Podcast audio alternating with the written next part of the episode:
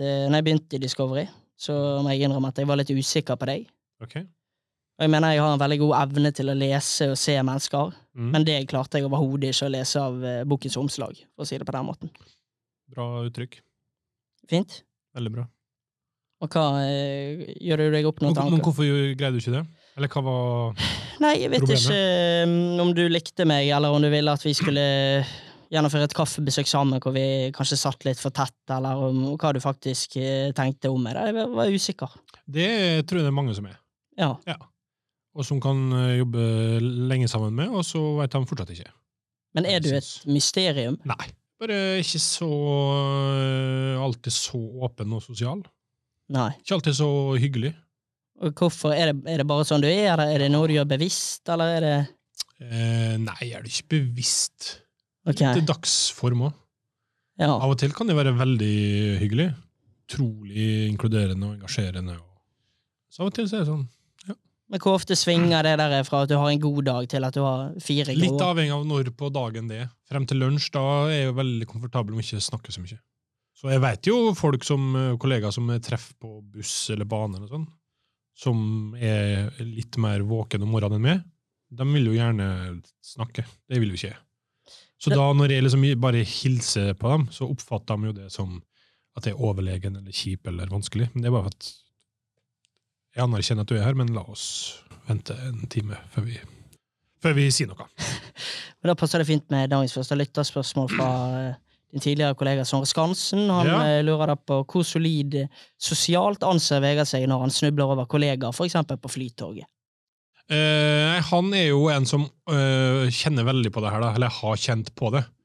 Eh, og det er jo fordi at han har, har vel trodd eller fått for seg eller innbilt seg at jeg ikke har likt den. Blant annet på grunn av det, da. Jeg husker ikke helt hvordan det var, men vi kom på flytoget i, fra ulike plasser, har vært på kamp sikkert. Skulle tilbake til Oslo, satte oss tilfeldigvis i samme vogn. Jeg satte meg på én side av midtgangen, han på andre, og sånn anerkjenner at ja, der er Sondre, ja. Nok med det.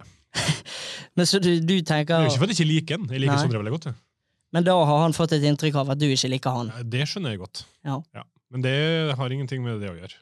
Men sånne hendelser som dette her, av at folk føler er usikre på deg, og eh, til sånne spesifikke hendelser som en tur på Flytoget, Mm. hva tenker du om at folk blir usikre og ikke vet hvor de har deg? Jeg vet ikke om det er så mange som opplever det sånn. I hvert fall ikke eh, av dem jeg jobber mye med eller tett med. Eh, men eh, nei, altså hvis de Det er jo kjedelig hvis de tror at jeg er en idiot. Men det kan jo hende at jeg er litt idioter, da, hvis det er sånn det oppfører meg. Jeg vet ikke. Nei, det er interessant. Vi får grave mer i mysteriet. Vi tar en introduksjon, og så forteller jeg litt om deg, og så ruller vi i gang. Reagerer og agerer du på sniking i kø? Og det syns jeg er herlig. Hva jeg tenker om ordet streit? Det forbinder jo det med kjedelig, normal. Var det spørsmålet? ja. Gå nå fuckings to meter til, da. Kan ikke stoppe rett etter en rulletrapp. Vi må få trommevirvel. Ja. Du er ingen streit person. Hvis du sier jeg er streit, da blir jeg forbanna. Du er streit. Lite streit. Episode nummer 13 de kommer på løpende bånd. og Jeg har trappet opp virkelig, og i dag så sitter jeg ved siden av kar jeg har jobbet så vidt med. Mannen med min side han er kåret til Norges best kledde sportsjournalist, og de siste seks årene har han gått catwalk med sine nøye planlagte antrekk på forskjellige fotballarenaer. Ikke som spiller, men som en av de som har plaget spillere og trenere med kritiske og velformulerte spørsmål. Før dette rundet han Møre og Romsdal med sin tid som sportsjournalist i Romsdals Budstikke. Her fikk han annet kjennskap i hva Ole Gunnar Solskjær har på brødskiven. På denne tiden opprettet han også den høyt anerkjente Twitter-kontoen RB-Vegard, og når denne internasjonale karakteren ble headhuntet til Seymour for å heve produktet norsk fotball, skiftet han Twitter-navnet til det mindre gledelige navnet Seymour Vegard. Han har fungert som en vaktbikkje for sin sidekick Christian Gauseth i Discoverys suksesspodkast Spillerrådet, som nå har fått ny drakt i Fotballrådet. Sist, men ikke minst har han regissert filmen Arven etter Ivars. Han går under kallenavnet RB, RB-Vegard, Veggie Smalls, eller bare hans fulle navn, Vegard Flammen Vågbø. Hei! Hei! Veggie Smalls? Veggie Smalls. Hvem er det som kaller meg for det? Eh, det er akkurat hvor den kilden kommer fra. Jeg er litt usikker på. Det har jeg aldri jeg- hørt. aldri hørt? Aldri hørt Veggie Smalls. Ah, Eh, det er noen, for å irritere meg, kaller meg for Veggis. Ok, For det liker jeg ikke overhodet. Eh, men veggie smalls har jeg aldri hørt. For du anerkjenner ikke det å være vegetarianer? Eh, jo da, men jeg, det er nok. Jeg har nok flere nok kallenavn. Et ganske rikt uh, hyllevare av kallenavn. Som man kan velge i. RB, RB-Vegard, Flemma. Vegard òg funker fint. Flemma kunne jeg tatt med istedenfor Veggie Smalls, men det er jo Ja. det jeg har hørt på gaten at, Ja. at noen kaller deg. Kommer okay. du til å ta det i bruk nå etter at uh, jeg har fortalt at det er det folk tenker rundt deg? Nei, jeg kommer nok ikke til å gjøre det. Altså. Jeg, jeg greier ikke å identifisere meg med Oklahoma og Nei, Oakland og rap og Smalls og sånne navn. Nei. Er veldig hvit. Veldig Liker du ikke hiphop? eh, Jo. Jeg kan høre mye på hiphop. Jeg kan høre masse på D'Angelo og hva det er for noe. Gammelt uh, greier. Utenom eh, Nei, fortsett du. Nok om det. Er Du var ferdig? Ja, litt. litt. Utenom eh, dette kallenavnet som tydeligvis ikke stemmer, hva er det noe annet her du reagerer på og stusser litt på i introen? Eh, nei, det oppsummerte vel ganske fint, uh, det der, tror jeg. Uh, noe litt kleinere enn andre, andre ting, men det meste var, stemte vel bra. Mikla77, for å eh, ta det ut fra introen, han lurer jo på hva som er hemmeligheten bak motesuksessen. Ja, den er overdreven. At jeg har det, for det har jeg ikke. Eh, jeg, det der er noe som eh, jeg ikke husker helt hvor det kommer fra, men som har bare blitt festa seg ved meg, og det setter pris på. Uh, at ryktet mitt for å være velkledd overgår uh, hvor velkledd det faktisk er. Så det har jeg aldri prøvd å benekte eller gjort noe med. Jeg syns det er veldig hyggelig. Jeg tror det utelukkende jobber for meg. Men det er ikke jeg, jeg syns ikke det er reelt. Det syns jeg. For det var vel Kåre Ingebrigtsen som påpekte det for første gang. Jeg vet ikke om han sa det som en vits eller i hu humorens øyemed, eller hva det måtte være, men folk føler jeg bruker det, for der er det noen som har kalt han for en moteekspert, og så drar vi den litt lenger og mobber han litt for det. Føler du at det stemmer? Eh, at det stemmer at det blir mobba for det? Nei. Mobbet for at Eller at du anerkjenner Du kan jo selvfølgelig bare tjene på dette, at Ja. du kan mote og fashion, Mhm. men at folk da Ok, det er blitt sagt en gang om Vegard er noe man går på som en catwalker på grunn av at han kjører en dobbel vest, for eksempel. Det er ikke sikkert, men vi kan jo, vi kan jo late som at det er stempelet han har fått, da. Eh, det virker jo som, i hvert fall i en engere, mindre krets, som eh, veit hvem jeg er, og som har hørt eh, Kåre Ingebrigtsen si det. Det er ikke mange, ass. Så har det befesta seg, eller festa seg. Det hørtes jo veldig stakkarslig ut, da, men når jeg, de gangene jeg blir eh, invitert til å snakke om meg sjøl, så er ofte det der et tema. Og jeg har på en måte ikke benekta det før nå, da. og jeg gjør jo egentlig ikke det heller. Jeg setter jo veldig pris på det, og jeg er veldig opptatt av å se bra ut på TV. Ja. Men i det hverdagslige så er det ikke noe sånn. Kan det se ut som en larris? Det går fint. Men Hvor mye tid og penger bruker du på det? Hvis du vet du skal på for på indre bane på hovedkampen på Lerkendal en søndag, kan du da gå og kjøpe deg nye klær for den anledningen? Uh, nei, kanskje ikke for den anledninga, men jeg har noen, noen faste skjorter eller gensere eller bukser eller jakker som på en måte er litt sånn halvdedikert til jobb. uh, og noen kombinasjoner som jeg vet funker. Eller jeg syns funker, i hvert fall. Så eh, jeg er nok mer bevisst på akkurat det enn mange andre har vært eh, på TV. For eksempel Sondre Skansen. Han har jo fått kritikk, i hvert fall jeg jobbet der, av, av Gauseth, som Mm. mente det at hver gang da, han, han sier jo disse tingene hundre ganger, så blir jo lei av å høre det med Ja. Vi skal inn i stua til, til folk! Mm. Da må vi kle oss! Mm. Og da var vel Skansen gikk det vel hardt ut. Det var, ja, skal vi si det var litt med rette òg, kanskje, men Ja, for han satt der litt som en college-student. Det er greit, det, hvis du er på radio. ja. Men når vi skal inn i stua til folk, da må man kle seg litt. Og Sondre tok den, og det blei bedre. Jeg jeg skal hjelpe den litt med slips. Der er det litt sånn amerikansk bryllupsslips. Han driver og kjører en sånn sølvfarga, litt sånn brei spent. Det funker ikke helt. Men uh, det har blitt mye, mye bedre. Skoleballslips, ja. Ja, det Ja. er litt fortsatt det.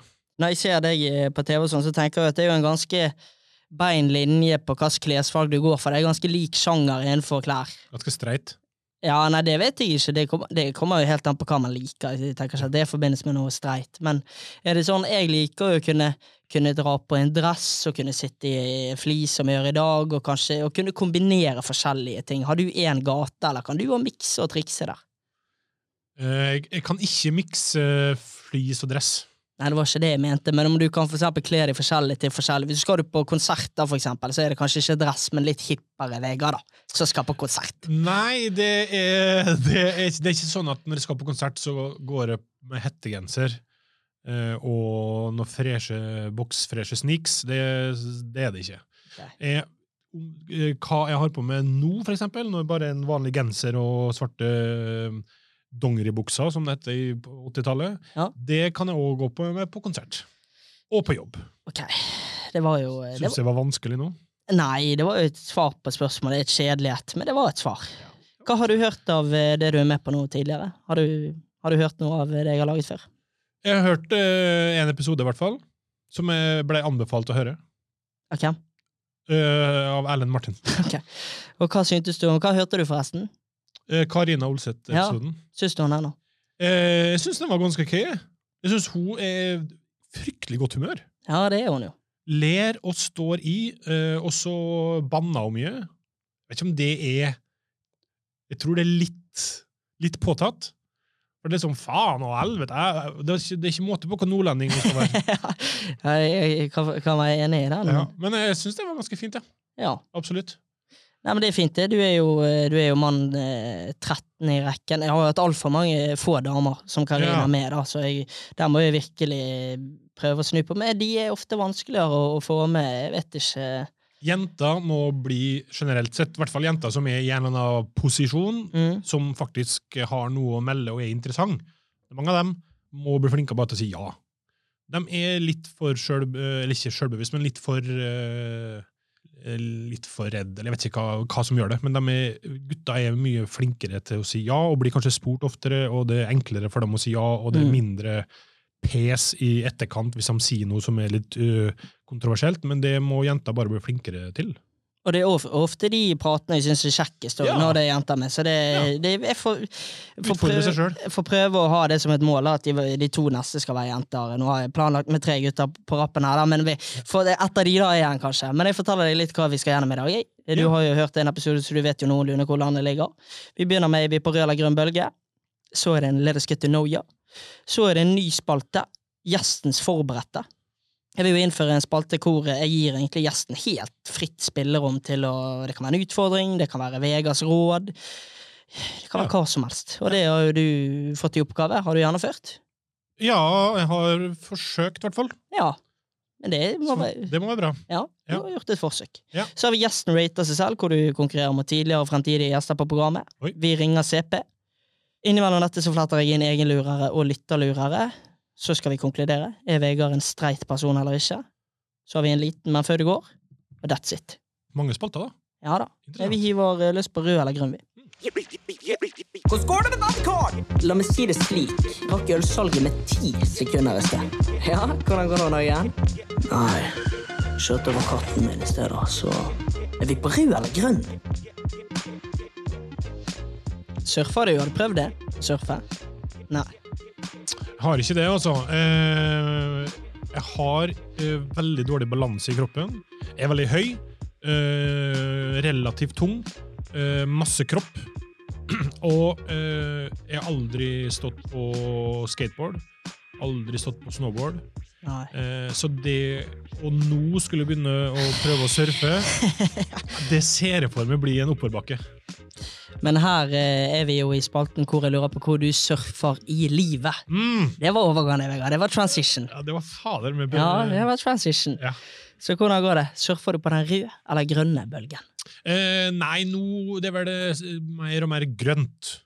Eh, etter eh, sesongslutt i fjor så har jeg hatt masse fri og ferie og avspasering. og bla, bla. Det har vært, eh, men nå er det nok. Nå har jeg jobba lite nok, lenge nok. Føler at det bli, Man blir dummere av det. Man blir giddalaus av det. Så nå er det på tide å skru til litt igjen. Så det er jeg i gang med. Så nå er det litt grønt. Grønn sone. Men det var noe, nå peilet du jo eh, ganske raskt inn på jobb. Ja, Men skal det preger livet ganske hardt, da. Ja, det gjør det jo. Og nå eh, sitter det på ingen måte som en eh, psykolog, men hvis vi glemmer den der påtvungne 'hvordan går det i forbifarten', hvordan har Vegard det? Er det kjekt om dagen? Eh, ja, det er helt greit. Jeg syns det er helt greit. Det har vært etter jul, så det har vært kjedelig. Eh, jeg har vært litt asosial, ikke møtt så mye folk. Eh, men egentlig, ja Litt sjølvalgt òg. Jeg har perioder der jeg er veldig glad i å bare være aleine. Mm. Så det har vært eh, for så vidt fint, det, altså. Men jeg kjenner at det, at eh, det trengs noen impulser her. Og jeg sier ikke at man har Jeg også kan kjenne meg veldig igjen at det er deilig å bare glemme telefonen, glemme å egentlig gå ut av døren òg, men det går an på butikken i hvert fall. Ja. Men se vekk fra det, da. Altså, det, hvis du har en klassisk uværsdag, som jeg kaller det, gjør det noe for å snu en sånn? Ja, når du, altså, Hva ville for det da vært en klassisk uværsdag, bare for å skjønne litt mer? Oh, det er jo egentlig ikke jeg som skal bli, bli stilt de spørsmålene, men eh, Du vet- har jo en tanke bak er- spørsmålet. Jeg syns sykdom er dritt, og Ja. ikke få rørt og beveget seg. Og Ja. så kjenner jeg meg veldig igjen i at hvis jeg ikke får gjort noe, så da kan fort humøret òg følge etter. Absolutt. Eh, Å sove lenge ødelegger dagen. Eh, Da får jeg dårlig samvittighet. Jeg har vært sjuk to, hvert fall to ganger i vinter. Jeg synes, eh, Det er dritlei av. Alltid tett. Jeg må få sjekka det nesegrevet mitt, for det, det er noe, eller noe bihu, altså det er et eller annet hele tida. Ja. Det er jeg lei av. Det tærer på humøret. Men det som ofte hjelper, er jo å komme seg ut, treffe noen folk, være sosial. For min del, i hvert fall. da. Jeg får veldig eh, Jeg syns det er veldig gøy å ha folk hjemme på middag, eller altså sånne ting. Det gir meg masse energi. Og så må jeg ta meg sammen på behandling av min egen kropp. Der det- er dårlig. Og der er heller ingen verken hverken terapeut eller doktor, men med en gang man mens man løper litt og får liksom kroppen litt i gang og bøyer og tøyer litt, det er jo man selvfølgelig altfor dårlig på i det daglige, men det er, gjør underverker, altså. Det gjør det, altså. Ja.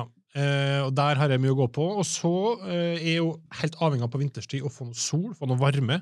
Ja. Det eh, kan jeg leve ganske lenge på i etterkant. Eh, da er livet straks mye enklere å leve. Så, eh, og det er jo, sånn Jobbmessig er det veldig fint for meg, for jeg har masse fri på vinteren, så da kan jeg reise vekk. Så det er topp. Det er gjort. Men grunnen til at du er brun store deler av året, er det fordi at du reiser litt, eller er det solarium som er grunnen? Det er verken eller. Det er, det er I den grad det er brun, så er det vel det genetisk. Eh, og så vet jeg ikke noe mer enn akkurat det. Uh, om det er noe uh, utenlandsk blod her på et eller annet tidspunkt i slektstreet. Aldri vært i My Heritage Site, er det det heter? har ikke vært Nei. i My Heritage Site. Fattern driver mye med sånn slektsgranske greier, så jeg Ah. kanskje skal høre med han. Det kan jo hende at det har vært noe greier der som jeg heller ikke vil vite om. Det vet jeg ikke. Skjønner. Ja. Nei, du må jo ha, det må jo være sørover du har noen annen. Altså, du er jo mørk i skjeggvekst og hår og et- tett innpakning on topp der. Det må jo være noe sørfra, tenker jeg da, uten at eh, jeg vet videre. Jeg har ikke vært innom og gjennomført din My Heritage Site. Det har jeg ikke. Kjempeinteressant. Ja, men det var noe eh, det virker, ja, skal, Hva skal vi konkludere med her, da? Terning eh, for tiden? Terning tre, fire? Hvor er vi? Ja, tre. ja. Eh, terning tre. Jeg liker å ligge og slure på fire. Jeg syns det er helt topp. Eh, tre er litt for lavt. Da kjenner jeg at det liksom, her må man eh, gjøre en innsats. Men eh, på fire, da er jeg ganske tilfreds. Jakte femmeren òg, men ikke for ofte heller. Nei, jeg liker å ha litt å Ja, heller å komme seg opp på noe enn Mm. hele tida skal ramle ned. Det syns jeg ja. Det er fint. Ja, og så eh, syns jeg at hvis man eh, På det meste i livet, hvis man leverer til fire, stort sett, så er, tipper jeg at alle i rundt deg, eller dem som du skal levere til, er fornøyd. Og så eh, gjør du det bra nok til at du får fortsette med det, med akkurat det du har lyst til, men du gjør det heller ikke så bra at du må begynne å liksom ta stilling til å skifte jobb, eller skifte et eller annet, eller gjøre noe mer eller bedre, eller få et eh, bli sjef, eller sånne ting. Altså, da ligger du og putrer på akkurat det du har lyst til. Mm. Eh, og det er veldig, det er en livsfilosofi å gjøre det bra, bra nok til at du kan fortsette med det du liker. Følg det. Noter det. Takk.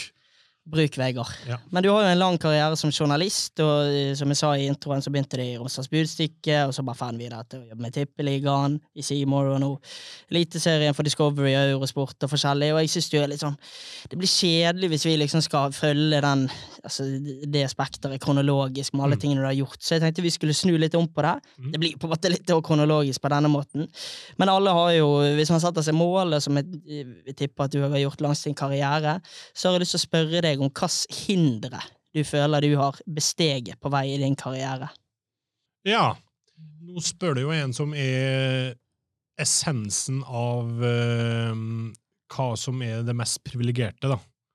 Hvit mann, 40 pluss, med en helt normal, vanlig oppvekst. Det er liksom I den grad jeg har hatt et hinder, så er det vel min egen eh, latskap eller tiltaksløshet eller eh, gjennomføringsevne. Eneste jeg har kjent på nå siste, kanskje sist, litt siste åra, er, og det har jeg ikke noe imot, men det er bare at fordi at det er så mye av mitt slag i den jobben jeg har, så er man jo veldig opptatt av å få miksa opp det med om det er jenter eller eh, yngre, eller hva det er for noe, som gjør at eh, det å skaffe seg ny jobb for min del, det kan være et hinder. Fordi at det er på en måte i det segmentet jeg er. Ah, Det øh, skjønner jeg veldig godt, og det har jeg ingenting imot sånn sett, men jeg bare har kjent litt på det.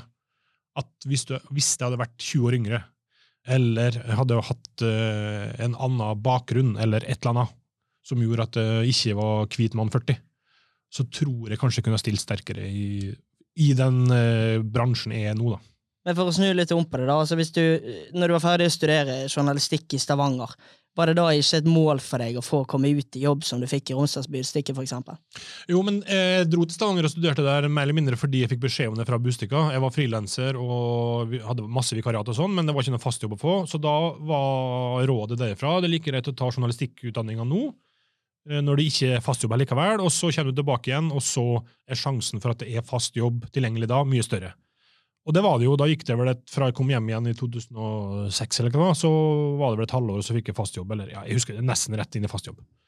Så det var jo, ja, eh, i den grad det var et hinder, men uh, Det var kanskje en hekk du følte ikke at det var en hekk du passerte, på en måte, heller?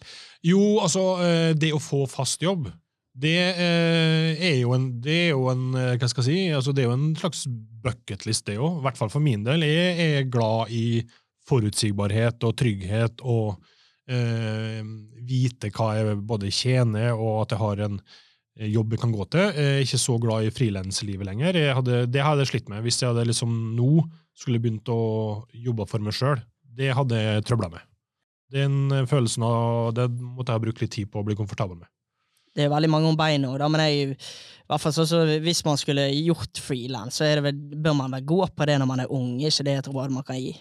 Eh, jo, absolutt. Og så er det jo mange som syns det er superbehagelig å være det òg, selv om de er 40-50, fordi at de eh, kan styre hverdagen sin akkurat som de vil, og kan jobbe for hvem de vil, så lenge de får jobb, selvfølgelig. Men eh, den, så glad i frihet er jeg ikke. At eh, jeg er mye mer trygg, trygghetssøkende på akkurat det med inntekt og jobb enn Mm. hva jeg var før, i hvert fall.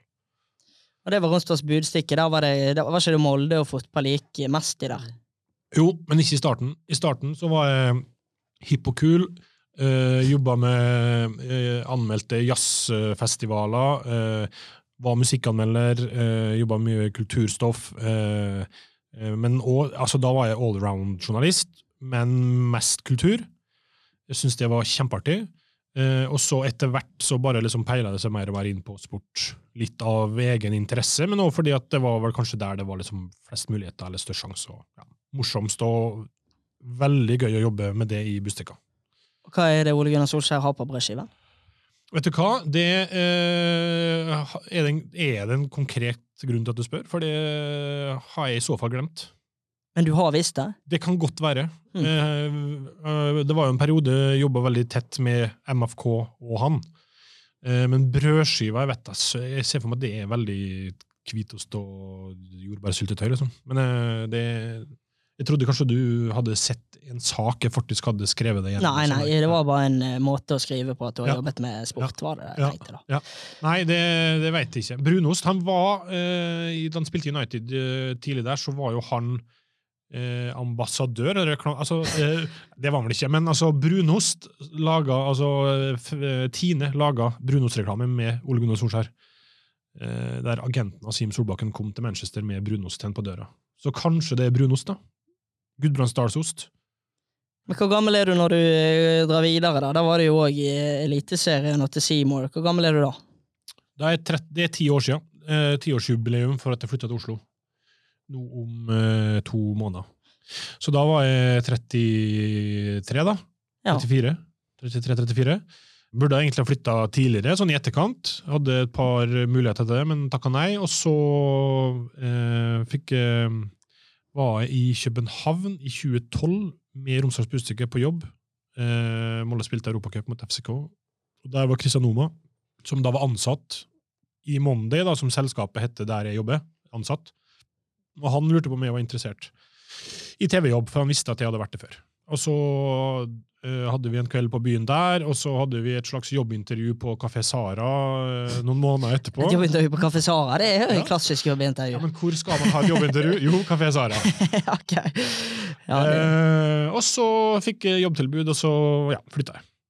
For Kristian Oma han sa jo når du eh, ble ansatt, han var vel sjefen din når du ble ansatt i Mm. Simon, han sa jo da at uh, Vegard han er jo en strandet verdensmann i Molde, så det er jo hyggelig å gi han en liten følelse av storbyen, da, sa Omar.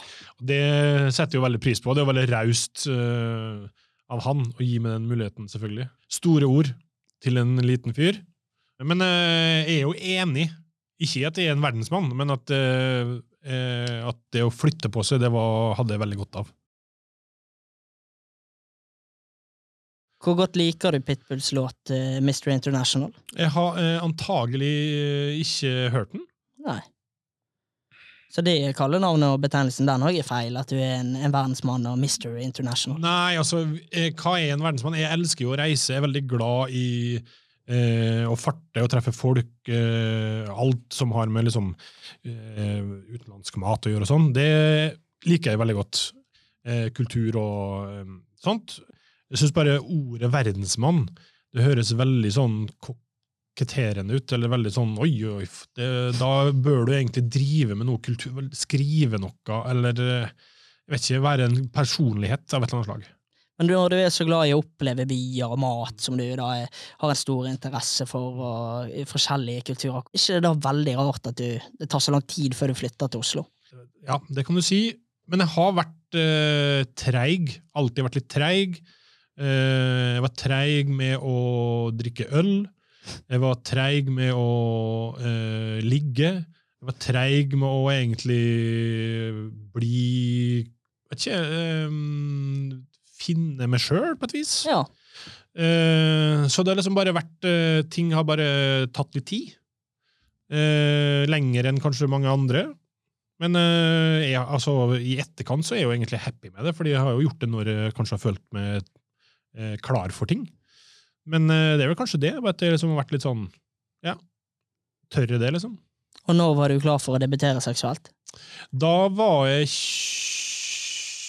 20 Ja, det er ikke, du 20 blir ikke eller 21, jeg husker ikke helt. du blir, kommer nok ikke til å bli arrestert for å være fryktelig seint ute, men eh, Nei, det er nå greit nok, men øh, det er jo kanskje det er en øh, hvis, du, hvis du er fra bygda, du er, faen, du er ikke tidligere, da. Nei. Og hvis du ikke er full før du heller er 19, da det er i hvert fall treigt. Ja, det kan være. Men så var du jo treig til å flytte til Oslo og norsk fotball og forskjellig. Hva, spør hva er det rareste intervjuet du har gjort når du har jobbet med norsk fotball?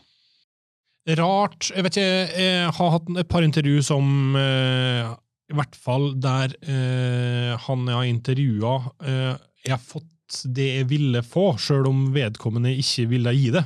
Ah, Det er gøy. For eksempel eh, dem som eh, husker Jørgen Lennartson i Lillestrøm, da de tapte 400 på overtid borte mot Molde. Og Jørgen Lennartson var så rasende i etterkant. Eh, men han var òg veldig typisk svensk trener som ikke nødvendigvis skal by på følelser i intervju. Man skal ha kontroll og være eh, lugn og det klassiske svenske. Da var jeg, hadde jeg forbanna meg på at skal, han skal jeg få noe følelse ut av, fordi 20 sekunder før så sto han og prøvde å knuse pleksiglasset på innbytterbenken. Så da stilte jeg noen spørsmål på en måte som eh, Spørsmålet i seg sjøl er jo teit og dum og eh, ikke noe god sånn sett, men det er jo fordi at jeg vil få en reaksjon fra han. Jeg vil få frem at han er faktisk sint, sur, skuffa. Eh, og det syns jeg ble, det ble veldig gøy, på måten Jørgen Lennartsen reagerte. Eh, der jeg spurte han om flere ganger omtrent om hva, men hvor skuffa er du? Der han eh, til slutt svarte om eh, hvordan skal han gradere det? I litt skuffa, jævlig skuffa, faen skuffa. Så du bare merker at han da snakker han seg sjøl jævla irritert. Og det var litt gøy. Den er fin. Eh, og så har jeg jo kalt Ronny Deila Ronny Deilig flere ganger. Eh, så ofte at det har jo til og med andre på jobb har gjort det samme på lufta. Eh, men jeg vet ikke om jeg har hatt så masse rare intervju. Jeg har stått mellom Tor Ole Skullerud og Dag Eilif Fagermo da de krangla som verst, i 2014. 15, 14. Det var ubehagelig, for da var det åpenbart at i hvert fall Tor Ole var jævlig irritert på Fagermo. Og jeg sto midt mellom dem, og det syntes jeg nesten var ubehagelig. Fordi der var det så mye personlig irritasjon ute og gikk. Men det var veldig god TV, så det var jo gøy. Men eh, ja. Jeg vet ikke om det var så rare intervju, Men-. Men for å ta den eh, Tor Ole og Tor Ole og hvem var det? Dag Eilif Fagermo? Når du står der, syns ikke du det er deilig at det skapes en sånn eh, klein stemning, og du merker frustrasjon? Syns ikke du det er deilig å kunne stå da mellom skyttergravene og dyrke det? Uh, nei, hvis det blir klein stemning, da Det syns ikke Det er det verste jeg vet. Okay. Jeg syns det- klein humor, for eksempel, jeg greier ikke å se på det. Så kleinhet, det da, da blir jeg Jeg syns det er skikkelig vanskelig. Eh, men at de som er irritert eller fyres opp mot hverandre, det kan være gøy. Men eh, jeg, kan òg av og til tenke at det der er, at det, kan bli litt ubehagelig, liksom. Eh, jeg, ikke, jeg kunne godt tenkt meg å vært mye mindre bevisst på det, eller mye gladere i å skape temperatur, da. Og få folk til å skjelle litt og kjefte litt, fordi det er jo veldig god TV. Eh, men jeg kan synes, hvis det liksom blir mye av det, da kan det, det litt sånn, ja, det kan jeg kjenne litt på. Jeg, jeg, jeg er litt konfliktsky på sånt. Ja. Ja. Men for å ta rare intervjuer, så har jo du Det vet jeg ikke forresten om det var et hinder. Det er jo programledelse og lage egen podkast, som du gjorde sammen med Christian Gauseth, spiller. og Følte du at Mm. det var et hinder du gikk over? Passerte? Jeg vet ikke, men eh, det, den ble jo sånn ok populær, eh, og den eh, var ganske nyskapende. Eh, der, eh, bortsett fra meg, så var det jo bare spillere, eh, og det var på en måte dem som satte dagsordenen, Mm. og var veldig åpen og ærlig, og bydde på seg sjøl. så det er jo kanskje ikke et personlig hinder, men det var i hvert fall noe helt nytt, og det seg, eller skilte seg ut i en etter hvert veldig stor podkastjungel. Um, så det var jo altså, personlig tilfredsstillende å få til det, eller at det blei bra. Eh, sammen med Kristian, selvfølgelig, som uten han så hadde jo ikke blitt eh, sånn som det blei. eh, så bra. Så det, men eh, det var Jeg synes, Ja, det, var, det er jeg litt sånn halvveis stolt over, akkurat den. Og i den anledning så har vi fått inn et, et lytterspørsmål jeg overhodet ikke stiller meg bak, jeg må si det. Det er sendt inn fra min eneggede tvilling, men likevel, jeg eh, Har du en eneggede tvilling? Ja, Oi! ja da. Dere er veldig like, da. Vi er veldig like. Vil du se bildet? Ja. Det kan du få se. Det var ikke klar over. Han eh, studerer da juss, han er på femte året, han har vært på utveksling i Milano. Da begynte han å gå med tørkle i halsen. Eh, drakk eh, vin stort sett hver dag. Men er du sikker på at dere er enegga tvillinger? Ja, det er jeg sikker på. Det her, Han høres jo ut som en diametralt motsatt type av det du er.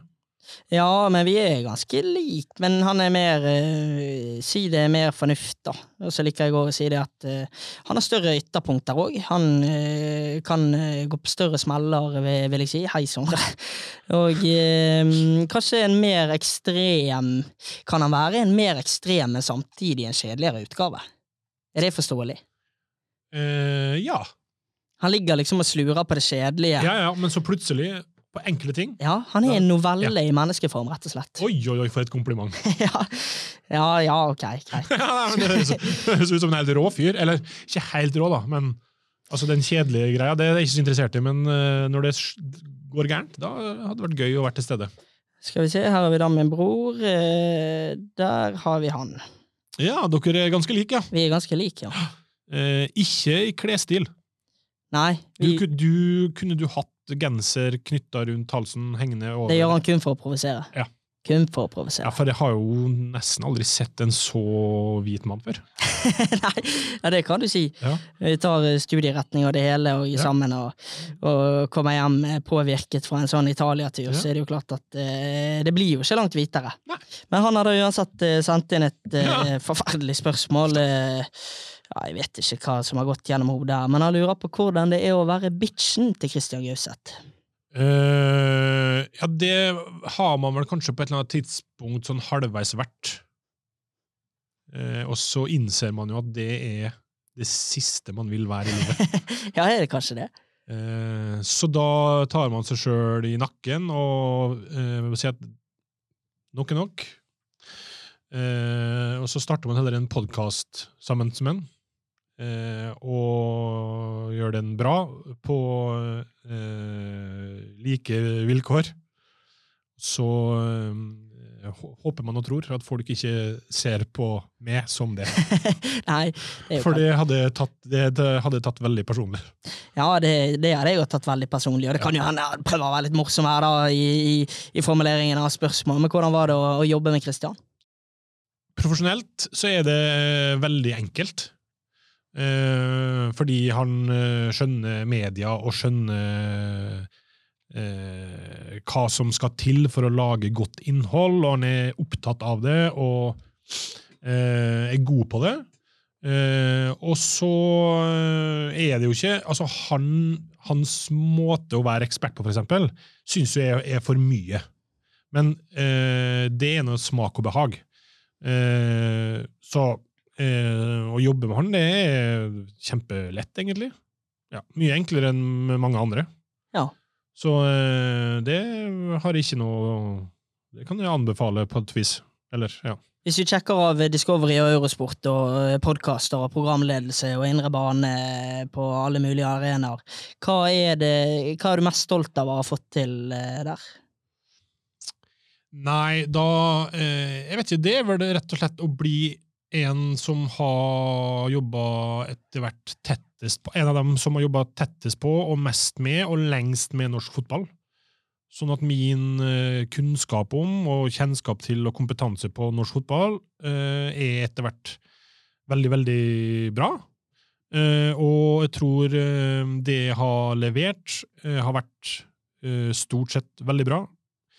Så egentlig stolt over det, uten at det på en måte har Jeg har liksom ikke eh, brent noen bruer eller ødelagt noe for noen eller vært kjip med noen eller ja, på ekte, liksom. Eh, Jeg har stort sett vært en real fyr. Så eh, jeg tror liksom eh, Det er vel det, kanskje, at eh, folk jeg har jobba med, syns stort sett er veldig ok. Mm. Du har jo en lang karriere, og da, du sier du ikke passerer hinder, men hva er det neste, hvis du skal prøve å tenke, hva er det neste hinderet du vil passere? Eh, nei, det hinderet jeg måtte ha brukt tid på i vinter, er jo å skaffes For nå er man jo på en måte ferdig med norsk fotball i Discovery, og det har, uh, har jo da vært mitt mål å fortsette å jobbe med norsk fotball. Eh, og skaffe seg en ny jobb der, da. Så det har vel vært det hinderet jeg har brukt vinteren på eh, til å gjøre. Ja, har du fått en jobb da? Ja. Ja, og hvor skal du jobbe nå? Hvor skal... Eh, nei, altså, jeg skal jo i hvert fall jobbe videre med norsk fotball. Uh, og så det, Jeg begynte, eller har vel egentlig begynt, begynte en uke her. Og så vet jeg ikke helt om jeg kan si, eller jeg vet da fader eh, hvordan sånne ting fungerer. Altså, eh, alt er jo signert og skrevet under, alt er i orden, men eh, jeg vet ikke om det er liksom om jeg er opp til meg, eller om det er den nye arbeidsgiveren som skal si det. Jeg vet ikke. Så jeg vet ikke om uh, din arbeidsgiver, som hvis det blir norsk fotball, blir TV 2, hører på dette, men uh, Det er, det er ikke sikkert. nei, det er ikke sikkert. Er ikke sikkert at Vegard Jansen Hagen sitter og hører på, på lite. Det burde du, Vegard Jansen Hagen. Ja, Ja, det burde du. Ja. Jeg har mye jeg kan hjelpe deg med, bare sånn at du vet det. Mm. Eh, Jeg vil anbefale Vegard å ta kontakt med Erlend. Ja, det vil jeg òg. Så i, i, i et tenkt tilfelle der noen fra TV 2 hører på det her, Mm. så, så er jo det bra. Ja, men ikke det, for det får jo være greit. Altså, hvis, de, hvis de da finner ut at du har sagt at du skal begynne i TV 2 her, så kan jeg ikke se for meg at det skal bli tredje verdenskrig av den grunn. Nei, det kan ikke jeg se for meg. Nei. Eh, det kan jeg ikke se for meg. Ja, men det er greit. Vi går på spalten Let us get to know you. Oh yeah. Ja, den var Den var ikke noe særlig, Vegard. Faen! ja, en type. Drikker kanskje litt mer. Rører ikke sengen om morgenen. Lystløgner. Jeg blir menneske. Og menneske. Håret er jo alltid om flik. er karakter. Let us get to know you. Her er spalten hvor jeg skal komme med en rekke påstander om deg. Mm. Og du noterer hvis du, jeg sier noe du føler er feil, og som ikke stemmer med din personlighet. Okay. Høres det greit ut? Høres veldig greit ut. Da kommer det noe musikk. Den hører ikke du, men da legger jeg på noe musikk, og den kommer eh, Den kommer, skal vi se Faen, den er Den er Den er Hvis vi ser musikken Jeg kan jo dra den lenger, den vitsen, men der er musikken! Vegard elsker luksus, og det er på de fleste områder. Innendørs går han alltid i fòrede tøfler, håndklærne på badet er naturligvis fra Misoni, og maten lages i treflisgrytene til Le Creuset. Grei uttale på Le Creuset? Ja, Ja, det er grei, ja. ja, det er sånn det sies. Hadde han ikke vært avhengig av å tjene kronasjer til livets opphold, hadde han reist verden rundt for å oppleve alt av verdens forskjellige krinker og kroker har å by på av mat og drikke. Samtidig er han en fyr som liker å skille mellom det kjedelige og kjekke, fordi det kjedelige gjør det kjekke enda kjekkere. Vegard er som de fleste kan se en mye kreativ fyr. Samtidig er han sin egen største kritiker, og ukentlig har han medarbeidersamtaler i sitt eget hode med seg selv. Det skal jeg hoppe inn her underveis? Nei, egentlig ikke. Her er det ingen medarbeidersamtale på noe tidspunkt. Vegard er en pessimist, og helst forbereder han seg på et nederlag fordi eventuelle oppturer da blir positive overraskelser. Til daglig er han en mann for litteraturen, og favoritten er uten overraskelser Knut Hamsun. Til slutt vil jeg legge til at han er en hybrid, type sorten intro-ekstrovert. Han elsker å være sosial, men hvis hans største elsker, sofaen, har invitert til stevnemøte, gjennomfører han gjerne det, han solo, med sport på TV-en. Ja, faen. En siste ting. Vegard elsker å skjemme vekk familien. Og han er typen til å kjøpe gaver til tross for ingen feiring. Og det reflekterer også hans for høye forbruk. Noe av det her treffer jo veldig bra. Eh, andre ting, uh, der blant annet jeg hoppa inn uh, på medarbeidersamtale i mitt eget hode, Ja. Uh, det er jo, stemmer jo ikke. Jeg er jo ikke noe luksusdyr heller. Går ikke rundt i vatterte tøfler. Og Men har du Le Creuset? Det har jeg. Ja. det har jeg. Og jeg er pessimist, eller realist, alt etter som. Eh, jeg liker å ha et eh, eh, syn på livet som er, blir heller positivt overraska enn skuffa. Eh, så det var masse som stemte der, altså.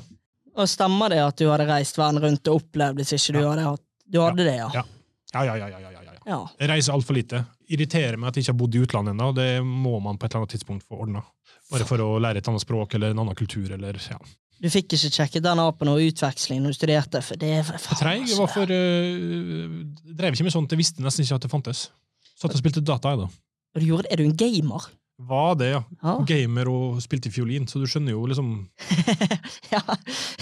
ja, egentlig kunne man tenkt at du skulle debutere når du var 29 med de Ja.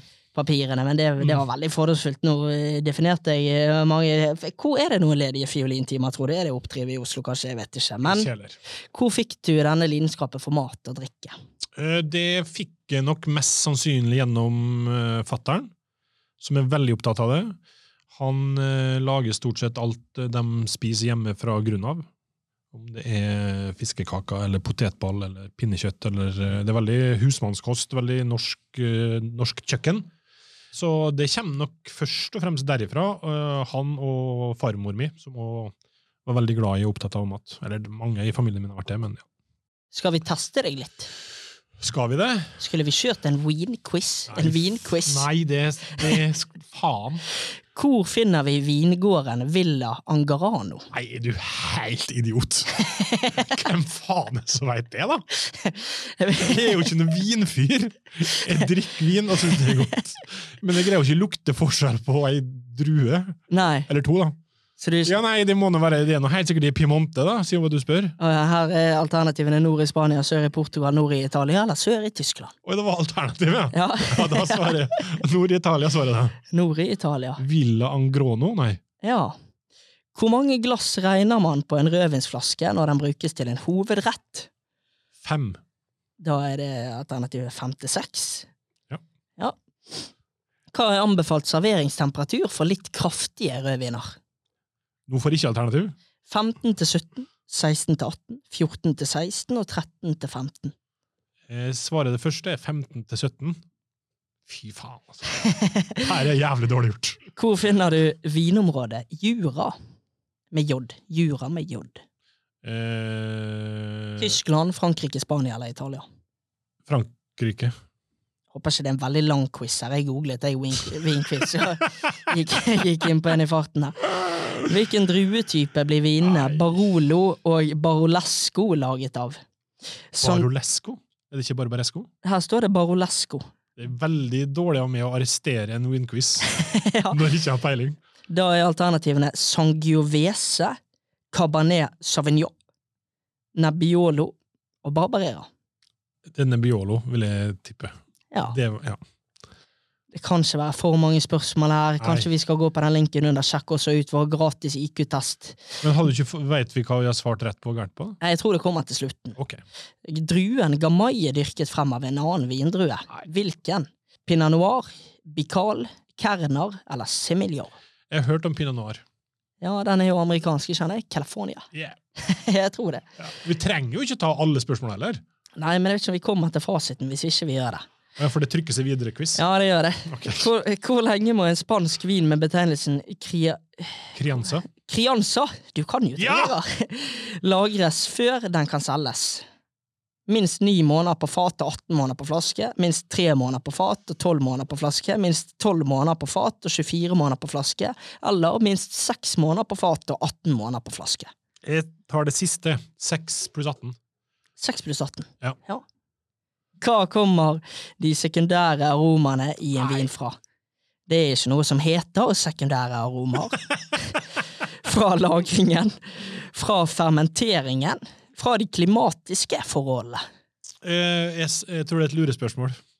Det er ingenting som heter det. Ja. Mm. Jeg har aldri hørt om, i hvert fall. Hva er dolcetto? Nå må vi bli ferdig. Ja. Ingen av delene. Vi bare eh, trysser, gjør oss ferdig. ja. ja, ja, ja, ja, ja. Ikke rett på et spørsmål, tipper jeg. Eh, jo, eh, du har da feil. Én riktig, to riktig, tre riktig, fire riktig og fem av seks riktige. Oi! Du kan jo vin, Vegard! Nei! Bare jævlig god å gjette. Ja. Og så var det jo alternativ her. Hva var det bomma på? Eh, det, var, det, det var ikke et lurespørsmål Nei. på den eh, Det var noe som heter det. ja. ja. Andre Men for å oppsummere så treffer jeg ikke på alt på Let us get to know ya. Det var jo egentlig der vi var, men så ble det et sidesprang innom noen vingårder i. Budapest. Ja. kanskje Men det, jo, altså, det hadde vært helt sykt om du traff på alt. Og så var det jo litt kråkete òg. Ja, Kråkebasert øh, evaluering. det kan være. Mm. Men en ting jeg ikke tok med i den oppsummeringen av Vegard som person, det er hvordan Vegard ferdes på kjærlighetens stier. Fra vi- vinquiz til, til, til kjærligheten. Kjærlighetens stier. Ja, kjærlighetens sti- stier. Det høres ut som en sånn sang fra 50-tallet. Ja, det kan være. Åh, Nora Brogstedt fremfører 'Kjærlighetens stier'. Men for jeg, har, jeg er jo egentlig genuint litt interessert i dette. da. Jeg prøver jo å peile det over på det seriøse. Hvor eh, Helvete! Hvor Ja, hvordan, hvordan ferdes du på kjærlighetens Nei, sti- stier? Ja, ok, for, å sti- for å omformulere, da. Eh, Du er jo passert 30. Du er passert 40. Mm. I tillegg bor du i Norge, hvor man på din alder anses nærmest som en psykopat dersom man ikke har enebolig, fast jobb og fast partner. Hvilke refleksjoner gjør du deg rundt de tingene? Uh, nei, si det. Det var jo en, eh, det var flere grunner til at jeg flytta fra Molde. Du var ferdig. Nei, tvert imot. Absolutt ikke. Nei, det, var, det, var, det var ikke sånn at det ble kjeppjaga derifra. For oi sann, nå skal RB ut av byen.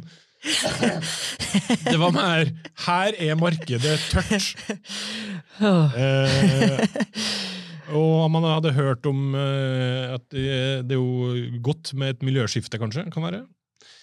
Uh, men det har jo på altså kjærlighetens stier det er fortsatt en sånn solovandring, Ja. og har jo egentlig vært det. Uh, ja. Men er det noe som stresser deg, eller syns du det er deilig å være fri og frank og kunne styre sin egen hverdag? Begge deler. Ja. Eh, jeg setter veldig stor pris på friheten, har det veldig fint, trives veldig godt, masse venner, eh, bla, bla, bla. Og så kjenner man kanskje mer etter hvert på eh, at det hadde jo vært fett å være mer enn én person òg. Så jeg har nok kanskje vært tenkt mer på det siste ja, Ikke mange år, men noen år. Det med eksempel barn, det ikke noe sånn eh, Det går greit. Det er ikke noe pes. Jeg blir ikke stressa om jeg ikke får barn. Det er helt fint. Men uh, på et eller annet tidspunkt så blir man jo også- Nå er jeg veldig pragmatisk, akkurat det jeg skal til å si nå, da, men det er jo en del av livet, det òg. på et eller annet tidspunkt så blir man jo gammel. Og det å bli gammel alene, det er en trist, fryktelig tanke. Så ja. Uh, jeg er nok mer åpen og gira på eh, et, eh, en livspartner enn det har vært før, ja. Det. Men hvor mye spørsmål får du fra venner og familie? Sånn, skal ikke du finne deg noe, Vegard? Ikke det på tide? Veldig lite. Ja. Uh, Er det fordi at det er tabubelagt, eller er det bare Nei, jeg tror bare mutter'n bare slutta å spørre, egentlig. Hun bare nevner det av og til. Hvis det skal liksom Ja, jeg var, jeg var i et utenrikslag her for et par helger siden. Jørgen uh, Grytør. Så skrev jeg bare ja, hva du skal i helga, så svarte jeg bare jeg skal i utringslag. Ja, det er vel ikke ditt eget? Ha-ha-ha. Det, er så- det er liksom sånne ting. Som, det er det som Streks det etter sånne ting. Ja, Han vil jeg bli kjent med. Ja. Han vil jeg møte. Nei, det var mutter'n, det. Var det mor? Ja, ja, ja. Absolutt. Så det er liksom sånn, eh, Men de direkte spørsmålene som hvordan går det med bla, bla, bla, det, det kommer ikke lenger. Det var på et slags vis gitt opp, eller jeg vet ikke. Det syns jeg egentlig er helt greit. Jeg syns det er plagslitt, plagsomt å snakke om. Ja, det skjønner jeg. Jeg syns det er kjedelig òg, egentlig. Men det er jo interessant, da. Det er jo, det er jo, I Norge er det jo sånn at man skal Alle de tingene er liksom Det forventes at det skal ordnes, da. Ja. Eh, og det er jo det mange sier òg. Mm. Hvorfor har ikke du, som er en hyggelig, kjekk fyr, eh, kjæreste, eller eh, Nei, Det finnes en for alle, Vegard. Ja, jeg hører dem si det. Men man må, man må treffe den. da. Og så Ja. kan det hende at man eh, treffer vedkommende uten at man helt skjønner det sjøl, før etterpå. Det har jo vært eh, tilfeller der jeg har tenkt i etterkant hva i helvete, hvorfor i alle verdens dager eh, tok du ikke sats der, liksom. Mm. Eh, men sånn er man jo, da. Man er jo dum i enkelte sammenhenger. Skjønner ikke hva, hva som kommer rekende på ei fjøl. Ja, det kan være det. Det er jo Du slår jo meg som en som klarer det å tolke signaler ganske greit. Så er det, er det noe i deg Ja, ut men kanskje ikke godt nok. Ja, jeg vet ikke. Nei, ikke heller. En som jeg heller ikke helt tror vet, det er jo da neste person som har sendt inn lytterspørsmål, som jeg òg tror her er ute etter noen råd fra, fra Vegard. Da lurer min eldre bror, Petter Martinsen Jeg har jo en del brødre, da, skjønner du. brødre har du? jeg har eh, en, jeg har Sondre som er min tvillingbror, så har jeg Petter, og så har jeg Dan. Og så har jeg min søster Lene i Fredrikstad. Ja, så dere er en gjeng. Vi er en gjeng. Det er bra. Hvordan legger Vegard opp en date night, lurer Petter på. Eh, litt avhengig av hvilken eh, det er i rekka. Men den første er super. Rett på soverommet gang nummer Rett på ligging med en gang. Nei, på gang nummer to. Ja. Ja. Eh, nei, den første er vel bare å eh, møtes på en eh, bar eller et eller annet sånt. For, et, eh, for en øl eller noe vin. Mm. Eh, jeg har òg vært på det, den klassiske gå en tur-opplegget. Ja. Eh, Det kan være hyggelig, det òg. Men jeg er veldig lite kreativ. Jeg har ikke, jeg er veldig eh, ukomfortabel med å ta sjanser på sånt. Og vi, vi drar opp i Oslo, eh, sånn fritidspark, og slenger oss i noen lianer. altså, det er gøy. Det, det kommer ikke til å gjøre første gangen jeg møter noen. utfordrer utfordre meg sjøl på sånt. Så det her er veldig klassisk. Er du redd for å bli sett av kjente når du er ute på en sånn første date? Eh, ja, litt. Eh, det er nok, ja. Ja. Jeg endte jo opp eh, på faktisk en gang på første date på bar sammen med Mykla77, som òg var på første date. Det var kleint. ja, men er ikke dere kamerater, da? Jo da, Så det men sånn det er jo altså, men dem, dem er jo ikke venninner. Altså, Nei, men det er ikke sånn at dere sender melding Du, møtes på, møtes på badet for en high five, eller? det, var ikke, det var ikke noe avtalt spill, nei. Nei, okay. Ja, Absolutt ikke. nei. Nei. Nei, det var ikke ja, nei, det var litt uh, Det var litt kleint. Men uh, ja. For å svare på spørsmålet, så er ikke du så kreativ på det. Nei. uh, og jeg vil ikke være det heller. Jeg har ikke noe lyst til å være kreativ på første date. Eh, den fallhøyden Jeg orker ikke å utsette meg sjøl for det. Vil du ha et tips? For du ser det for meg kan være en sånn eh, Vi drar på dykkerkurs første date, liksom. Nei, jeg kan like å Jeg, kan, jeg syns det er gøy å sjokkere. Ja. Å være teit. Jeg, ja. jeg elsker jo å kunne dyrke eh, sånne håpløse ting. ja. Litt da, kleine eh, situasjoner. det Tipset kan jo kanskje reflektere litt rundt hva jeg prater om. da Det er jo at Hvis du skulle hatt en tur rundt Sognsvann da med, med Bianca, som du møter for første gang Hun er jo da hudlege Bianca. Ja. Eh, hun er jo Hun kommer østfra. Har vært i Norge nå i, i en eh, I en to eh, Siden mars i fjor. ja, og det går dritbra på norskkursen, egentlig. Vi kunne òg sagt eh, hun kommer fra Sverige, Bianca, og, sånn at vi bare ikke eh, Trenger ikke være ukrainer. Nei, sånn, sånn at vi ikke er ufine på noen måte. da Mm. Kunne òg vært norsk. eh, Hvor vil jeg? Jo, men hvis du skal på tur rundt Sognsvann, Vegard, så kunne du for eksempel eh, Du kunne fått tak i en hund. Og så, og så later du som at du har hund. og så lar du det bli en sånn at du har hund, og det er Rufus, og det er liksom de beste venner i livet, da, og du vil gjerne dele Rufus med Bianca, da, og det Ja. forteller veldig mye om deg som person, og da har du Bianca, da, ser jeg for meg.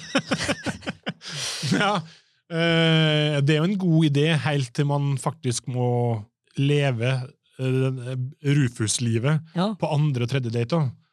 Og hvis det plutselig er jævlig god stemning, så du, sitter du i saksa, da. Nei, da finner du en oppdretter, også. Får du tak i en ny Rufus? ja. det må gå bra. Ja. Det må gå bra. Det var, Bianca skjønner ikke det. hun, hun har jo kun vært i. Norge i tre måneder siden mars. Fordi folk fra utlandet er blinde, eller? Premisset er jo helt sykt. Ja. Nei, det er jo Som jeg sa, så er min tvillingbror kanskje mer fornuftig, da, men Mm. kjedeligere. Vi går til eh, gjestens forberedte. Ja, det er min, det. Det er din. Eh, du, eh, min forberedte spalte er eh, en utfordring til det. Ja. Jeg har laga ei spalte som skal utfordre deg på hvor mye du har eh, fått med deg av det jeg har sagt. Så jeg skal, Ah. så jeg skal quize deg på ting jeg har sagt Ah. så langt. Fire ting som jeg har snakka om, eller nevnt, eh, som eh, eh, jeg skal sjek- sjekke om du har fått med deg. Her, ble, her kan jeg bare si, hvis jeg ikke får full pott her, Ja. så blir jeg dypt skuffet. Og da skal, jeg, da skal du òg få lov å, å, å gi meg en straff som jeg skal gjennomføre og legge ut på sosiale medier. Fordi at Hvis ikke jeg treffer planken her, Mm. så blir jeg så skuffet over researcharbeid, meg som person og egentlig verden i seg selv. Ja, Ja. Eh, jeg hadde sannsynligvis eh, ikke eh, lyktes på hvis det var motsatt. Nei. Jeg er ikke alltid like god å høre etter hva folk sier til meg i intervju. Men eh, jo, faen, vi tar den etterpå. Fortsett. Jeg nevnte en eh, Vi snakka om eh, Du spurte meg hører du ikke på hiphop. Så sa jeg jo da, det hører jeg. Og så nevnte jeg én artist som jeg hører på. Hvilken artist? Jøsses. Oh, Men du mumlet litt når du sa det. Mumla kanskje litt når Ja. jeg sa det. Nevnte det kanskje veldig fort. Det var ikke veldig tydelig. Nei. Nei. Og det var liksom bare sagt i en setning, og så on to the next one. Er det, Mm. kan, er det Ja, så det er jo like mye altså, det er jo like mye soul, det her. Eh, Nei, Jeg kan jo ikke soul, jeg, vet du. han har gitt ut kanskje to-tre plater, sleit i mange år med ikke gi ut ny musikk fordi å, det var masse narko og drit, og levde livet. Eh, nei, jeg tror ikke du greier det. Nei, jeg tror ikke jeg greier det. Forbokstav. D, eller altså artistnavnet starter på D. D-apostrof. De et eller annet. Ja. De alb... Dr. Alban? Nei. Ok, men hvis jeg klarer nesten full pott Ja. Ja, neste. ja, du vil ikke ha svaret. Jo. D'Angelo. Ja. Ja. Nå når du sier det, Vegard, tror så kommer jeg på at det er jo det akkurat det du sa. Det gjør du ikke. Eh, spørsmål nummer to. Vi snakka om eh, Sondre Skansen, eh, kleskode og ting han sleit med. Og så sa jeg at det er én ting jeg kan hjelpe ham med. Spesielt. Hva var det? Slips. Ja, Og hvilken farge var det på det slipset? Det var sånn sølvgrått. Sølvfarga slips, ja. Yes! Eh, eh, i, du spurte meg om rare spørsmål, eller rare intervju. Så nevnte jeg et par situasjoner, blant mm. annet der jeg sto mellom Tor Ole og Dag Elle Fagermo. Husker du hvilket år det var? Å, det jo, går jo an å regne seg fram til da, eh, altså, Toro eh, Da er vel han Molde-trener, da. Mm. Uff, det er vrient. Han. Hans første år. Uh, er det Seymour, eller? Det Seymour, ja. Ja, Mitt andre år i Seymour. 2016. 2014. Faen! Æsj! Og det siste, som da har litt med dette her å gjøre eh, Hvor mange år har jeg bodd i Oslo? Ti år. Ti år, ja. Jeg flytta hit i 2013. Hva er straffen? Eh, kan jeg tenke litt på det? ja, For gjør det her hadde vært, eh, hadde vært eh, en fotballspiller som satt der, så hadde han hatt sånn Ja, du skal drite i en kopp. Ja, nei, det er ikke noe, ikke Nei, noe men, eh, kroppslig nei, nei, Ikke noe som skal ut av kroppen. Nei, det er greit. Ikke noe snørr. Hvor mye er det som egentlig kommer ut av kroppen? Vær så snill, Vegard. Nei, men hva Hvorfor, hvorfor gikk du Det er jo Ja. ikke ja. det, og Hvorfor skal man ha det på Instagram? Nei. Eh, nei, men skal, jeg, la, la meg tenke litt, da. Jeg er ikke så god, jeg er ikke i et miljø der straff er en naturlig del av hverdagen. Nei, men da gir du meg jo meg en årsak til å kunne legge ut et klipp. da, som Ja, kan nettopp. Så jeg skal, kommentere. jeg skal komme på, jeg skal Ja. komme på noe. Ok. Ok, To av fire. Greit. Skal vi gå videre? Skal vi det? Vi skal gå videre. Ja. Det er litt Denne overgangen blir litt sånn ja Woo! Du er jo en veldig sosial type, Vegard. Og du jo, har jo møtt mye folk eh, som du nevner fra norsk fotball i forbindelse med jobb. Ja! Men du har jo òg møtt flere fra norsk fotball gjennom ulike tilstelninger og sosiale lag utenfor jobben. ja. Så da lurer jeg på, du må jo ha ramlet borti mye forskjellig utenfor jobb i tillegg. Eh, for et spørsmål! Ja, Du må ha ramla borti mye forskjellig. ja Litt ledende og ladet, kanskje? Ja Jeg vet Ja. Eh, altså, vil du ha eh, Om jeg har ramla borti noe fest eller folk, eller Ja, for eh, eksempel. Altså, jeg er jo veldig sosial, og så er en av mine store sosiale egenskaper er at jeg er veldig god i veldig forskjellige sosiale settinger.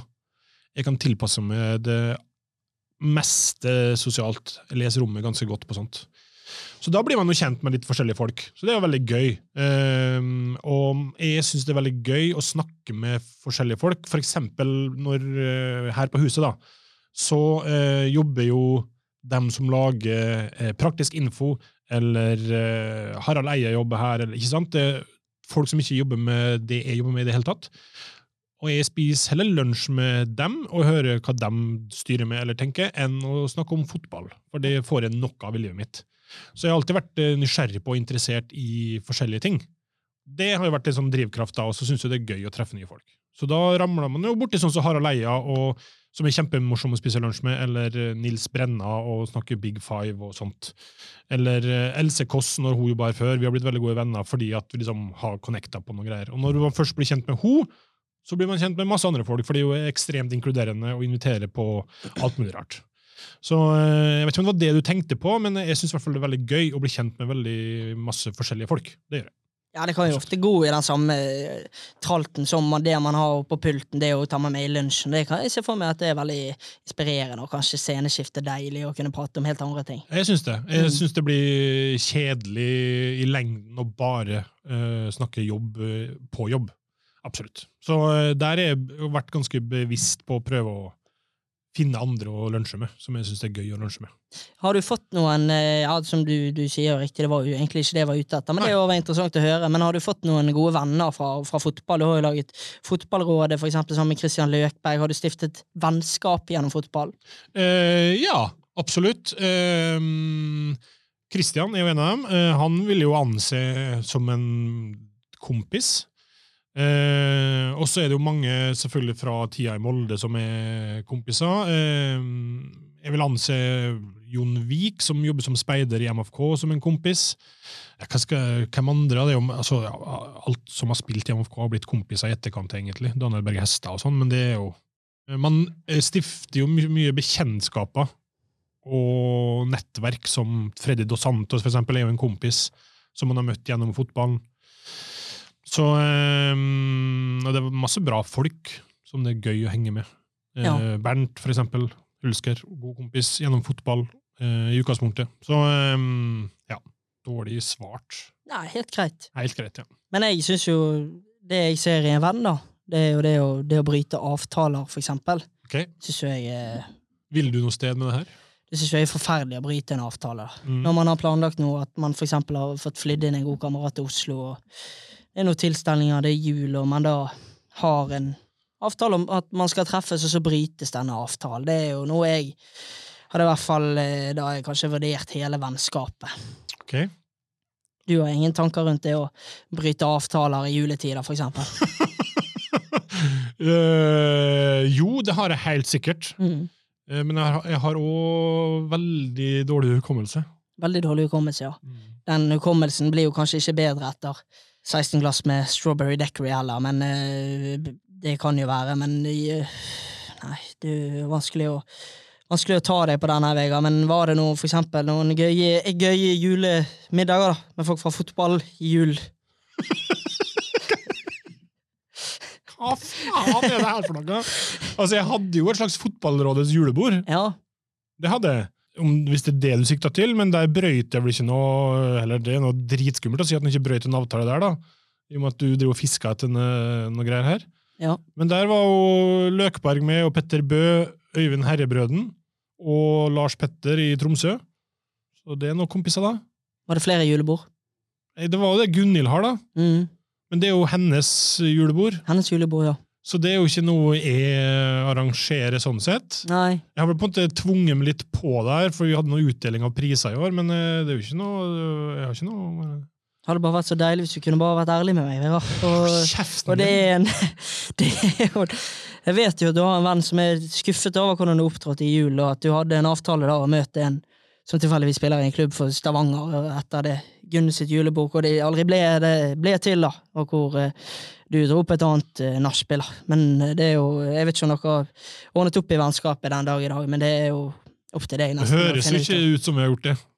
Nei, I og med at jeg ikke engang husker nei. Det kan jo være. Si litt om hva, hvor mye dette, denne vedkommende betyr for meg, da. Ja, nei, jeg vet ikke. Nei. Nei, men uh, vi- vi- hvis du Vi går ikke videre på den, men eh, Ja, For å si det helt ærlig, så har jeg pratet med Løkberg, og han sa at dere hadde en avtale om å treffes, og du traff ikke Løkberg. Og du kunne bare sagt det med en gang, at du skulle treffe Løkberg, men jeg var på vei til et nachspiel med Ole Sæter på slep, og klarte aldri å treffe Kristoffer Løkberg. Jo, jo, jo! jo. Jeg traff Vi hilste på hverandre. Å, ja. Det var Andreas Olbu sitt julebord. Det- ja. ja, det- Hvor mange julebord er du på? Nei, Det var jo så tre her, da. Ja, ok. Og det var, eh, da kom eh, Løken dit, ja. Ja. Vi hilste jo så vidt. Absolutt. Men det, det var jo seint på kvelden, Ah, ja. ja, og jeg blei så pærings den kvelden der at det, det er jo ikke noe unnskyldning, men det er en forklaring, i hvert fall. Ja, Herregud, så full jeg blei. ja du gjorde det, ja. Ja, jeg blei skikkelig full. Fikk du flere varige men enn kun en Jeg dagen fikk, etterpå? eh, ikke, fikk ikke et varig men, men jeg sklei på isen, og så ramla jeg på en, eh, en sånn tynn sånn jern Jeg vet da faen, det liksom var eh, noe jerngreier som slo i låret mitt. Ja. Så det så ikke ut i Kanskje til å vi- til å vise et bilde. Så ille var det at jeg kan ta, jeg tok et foto av det.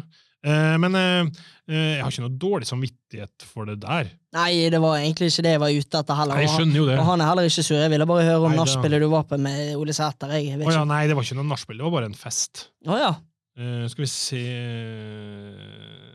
Ai, ai, ai. Det var ikke, det var ikke noe godt i det hele tatt. Nei, men sånn skjer. Hæ? Man er jo tøffe, tøffe gutter. Det kunne hende kanskje at jeg kunne funnet en annen vei til rom eh, på disse spørsmålene her og gravingen her, men du har jo Ole dro jo fra meg òg. Han gjorde det, ja? Ja, ja, ja. Sikkert noen kontraktsforhandlinger, da. Eh, Sikkert. Han skulle vel sikkert på, videre på en annen greie, da. Sikkert. Ikke peiling. Men det jeg prøvde å fiske etter, er jo historier som dette som du har opplevd gjennom fotballen, når du Mm. ikke har stått med mikrofonen, da. Ja. Og da har jeg ett spørsmål her som er i hvert fall tydelig. Ja. Espejord sin outfit i Bodø i fjor, da. Ja, det er jo den, det er kanskje den råeste jakka jeg har sett i mitt liv. Eh, eller det var vel en frakk. Og eh, hvis jeg husker rett, så var vel den Det ble i hvert fall fortalt at Var det av tiger? Altså Den eh, frakken der vi kom inn på et utested i Bodø etter å ha vært på Glimt Viking. Runar Espejord er jo en eh, Jeg kjenner ikke han godt i det hele tatt, men han slår meg som en rå fyr. Han har en svær sånn ko, eller eh, tatovering på ryggen. Jeg lurer på om det faktisk er en tiger. Så at det er et slags tigertema her. Ai, ai, ai. Eh, og inn på det der så sto han med den der eh, frakken, og jeg angrer jo den dag i dag på at jeg ikke fikk tatt noe bilde av det, men jeg, jeg fikk liksom strøket litt på han og kjent på han. Eh, og den var, den var greit rå, ja. Eh, og den var vel femsifra for den. Jeg vil tippe, jeg veit ikke hva den kosta, men jeg tipper at det var sikkert 20 000 for den frakken her. Og gikk man seriøst òg? Å oh, ja, ja. ja. Han bærte den eh, som bare Runar Espejord kan bære. Kunne vi fått dere et bilde av denne, tror du? Eh, ja, det vil jeg jo tro at noen kan hjelpe oss med det. Ja. Eh, jeg kan prøve, jeg. Du kan prøve, du? Ja, jeg kan prøve, ja.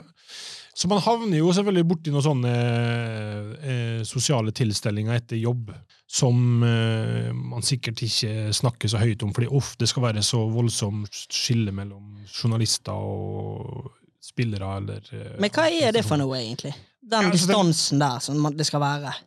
Til en viss grad så er jo det selvfølgelig fornuftig. Ja. Eh, I og med at man eh, havner i situasjoner der man må være litt eh, kritisk og stille noen skikkelige spørsmål. Og så er man jo også, som journalist avhengig av å være relativt tett på og kjenne dem godt og vite hva som foregår. Så det er jo en balansegang der. og en litt sånn tautrekking mellom dem og oss. både på hva de syns det er greit at vi er med på, og hva vi syns det er greit at vi er med på. Så Ja. ja. Av og til så går man sikkert over streken på et eller annet vis, men stort sett så går Det kan jo være, men er det ikke så lenge man ikke oppfører seg som en idiot og er hyggelig, så må jo det gå an å skille. De òg må jo forstå det at dere er ikke på jobb lenger, og at dere må gjennomføre den jobben. At dere, fotballspillere liker jo å kose seg på en, en kveld ute etter Mm. de har spilt sin kamp, og det samme gjør jo journalistene etter de har gjort sin jobb med mikrofonen. Altså det er jo Ja, og så er det ikke sånn at uh, hvis vi hadde tilfeldigvis Bodø er jo ikke så jævla svært en søndag kveld, så det er ikke så mange plasser man kan velge i. Og at man da havner på samme bar, eh, det, ja vel, da er det ikke sånn 'Å nei, her kan vi ikke være fordi at eh, det sitter fire Glimt-spillere borti hjørnet der'. Det, sånn er det jo ikke. Og når vi er på bar, så da er det liksom Da er ingen av oss på jobb. Så hvis eh, folk har en viss forståelse for hvordan det her funker, så går det jo veldig bra. Da går det fint. Da går det fint. Opp- Oppføre seg og være profesjonell når det må være, og så kan man òg ha det kjekt når det eh, egner seg. Vi går til gjesten rater seg selv. Oi. Gjesten rater seg sjøl. Åh, jeg hater å skryte av meg sjøl. Ah, jeg liker egentlig bedre når andre forteller hva jeg er god til. Vet du hva det driter i? Nå skryter du. Seks kategorier. Mm. Nummer én. Ja, du vil kanskje ha en innføring, du. Jeg pleier jo egentlig å gi en innføring. Jeg gir en innføring, jeg. Du konkurrerer mot tidligere og fremtidige gjester på programmet. Du kan totalt få 60 poeng. I hver kategori kan du få 10 poeng. Standingen er som følger. Kikkan på 54, plass, eh, 54 poeng av leder. Gauseth 53, andreplass. Gauseth ikke på topp. Nei da. Det de, Det er falsk ydmykhet. det har alle kommentert når jeg Ja. har eh, nevnt Ja, ja, stillingen. fordi han har sjøl visst at her må jeg gi meg sjøl litt lavere enn hva jeg egentlig mener, fordi at det ville vært dumt å gi meg sjøl 60. Og så er det Karina Olseth på 47 poeng. Ja. Nummer én festing. Hvor god jeg er på festing? Ja. Jeg gir meg sjøl en åt, åtter på festing. Hvis det, hvis det er mengde, så kan den komme på ni. Men jeg er nok ikke den som øh, er veldig god på å arrangere, er veldig øh, flink på å få sosiale lag til å funke. Eh, men jeg er nok ikke den som liksom tar festen. Jeg har ikke heller noe behov for å komme inn i et lokale og så bare Ohoi, her kommer Vegard. Eh, folkens, han skal først telle historier og stå på og være litt av en fyr. Så eh, en rolig åtter. Rolig åtter. Ja. To Mm. bilkjøring. Null. For du har ikke lappen. Det vet jeg jo. Eh, men jeg tror hvis det hadde faktisk Altså, jeg var jo halvveis i lappen da jeg flytta til Oslo. Eh, så jeg har tatt noe glattkjøring og noe greier. Eh, så jeg tror, hvis jeg hadde satt meg i en bil nå, så skulle greid det greit, faktisk. Så jeg gir meg kanskje, uten å ha lappen, tre, fire, tre, tre. Nummer tre flørting. Veldig situasjonsbetinga. Der kan det være alt fra ti til én. Jeg greier ikke å gå inn i en situasjon, uavhengig av hvem hun er, og bare vinne flørtinga. Det går ikke. Eh, så et veldig stort spekter. Eh, på mitt beste en tier, men er kanskje sju, da. Syv. Nummer tre. Til nummer fire. Husarbeid. Husarbeid. Jeg syns det er jævlig kjedelig å vaske gulv og sånt. Eh, Jeg gir meg sjøl fire. fire. Jeg har blitt bedre på Jeg har noen planter som jeg holder i live. Hvis det er husarbeid. Ja, men det sier jo noe om at du, du har orden i hjemmet, men er det rotete hjemme hos deg? Nei, det er ikke, rot, det er ikke rotete. Men det, liksom, det sklir litt ut, og så må jeg ta et skippertak, og så sklir det ut igjen. Så det er liksom ikke jevnt. Du ser ganske tydelig at her det er en singel mann. Men merker man òg på leiligheten din når du jobber mye? Eh, ja. Da ser det rotete ut. Ja. En firer. Ja. Nummer fem. Drittslenging. Eh. Jeg, kan være, jeg kan være veldig frekk, veldig direkte, øh, og av og til øh, stygg i kjeften. Men jeg er nok ikke, er ikke, mors, jeg er ikke god på å skjelle ut folk morsomt, eller sånn holde skravla gående, liksom. Så la oss si at uh, Morten Ramm er en tier på utskjelling, vil jeg tro. Jeg tror han kan skjelle ut folk så det griner etter. Kreativt, stadig vekk noe nytt. Det greier ikke jeg. Fem, seks. Seks. seks. Nummer seks. Reising. Der, eh, det må jo på åtte åtter, i hvert fall. Jeg er veldig god reise når jeg er på tur. Flyr. Ekstremt god på det. Veldig god på å pakke. Veldig god på å få rette flyseter, finne beste flyreiser, altså alt sånt. Gjerne billige turer. Litt for lite kreativ. Litt for eh, repeterende reisemål. Så jeg kunne vært bedre der, men eh, nei, ni, da. Ni må jeg kunne unne meg sjøl der. Ni på reising. Da lander du på en eh, Skal vi se 15 poeng, 19, 25 Herregud. 9 pluss 25 34. Det er korrekt. 34 poeng. Ja, du er ned, nesten nederst. Ja. 34 poeng. ja. Jeg er 13 poeng bak Karina Olseth. Du er da Med 34 poeng så er du da Folk skryter av seg sjøl, Du altså. er 20 poeng bak førsteplass, da. Ja, folk, er, folk er fornøyd med seg sjøl. Folk er fornøyd med seg sjøl, men så kan jo hende at, de, at kategoriene treffer de, og det jeg du ikke. Kan godt være. Eh, det er jo for lite jantelov, sånn sett. Eh, Janteloven er min favorittlov. Ja? Ja. Skal vi ringe en som òg har det som favorittlov? Ja. Vi ringer CP, vi. Hei, Allan. Hei, du. Du, Hei. Ja, du vet jo jeg har det der enkeltmannsforetaket. ja. Nå, eh, nå har jeg fått noen regninger på Jeg har vært litt eh, jeg, har Det er rotet, jeg har sagt til deg. jeg har rotet litt med noe papirer der. Eh, Ja, men hvorfor, eh, dette har jeg sagt til deg for flere år siden. At, at dette må du ha orden på. ja, jeg må det. Og det Hva, er, hva, hva betyr det, den regningen? Nei, det fins ikke noe regning. Jeg, eh, dette var bare en introduksjon og en velkomst til eh, Vi ringer CP i min podkast. Nei. Å, for en type, altså. Velkommen! Du sitter, nå i, du sitter nå i studio med meg og Flem, eh, Vegard Flemmen Vågbø. Vegard Flemmen, Vågbø. Who the fuck? men eh, han kjenner jo ikke meg. Nei, han kjenner ikke deg. Nei. Og, og hvor er det han hører hjemme? Nei. Han er vel fra Du er vel fra Du er jo ikke Molde, du er fra Flemma. Jeg Det er på ikke, Nordmøre. jeg har ikke kartet Ja, Nordmøre, ja. Nei, det passer bra, det. For jeg er akkurat på Sunnmøre. ah, Ja. Ja, jeg er i Ørsta. så så helt annen plass, da. er den siden av det. Eh, Ja. Hva vil du vite? Liker du Vegard? Har du et godt inntrykk av han? Det gjør jeg helt sikkert, for jeg kjenner han ikke. Uh, uh, dette er jo en tidligere kollega av deg, er det det? Ja da.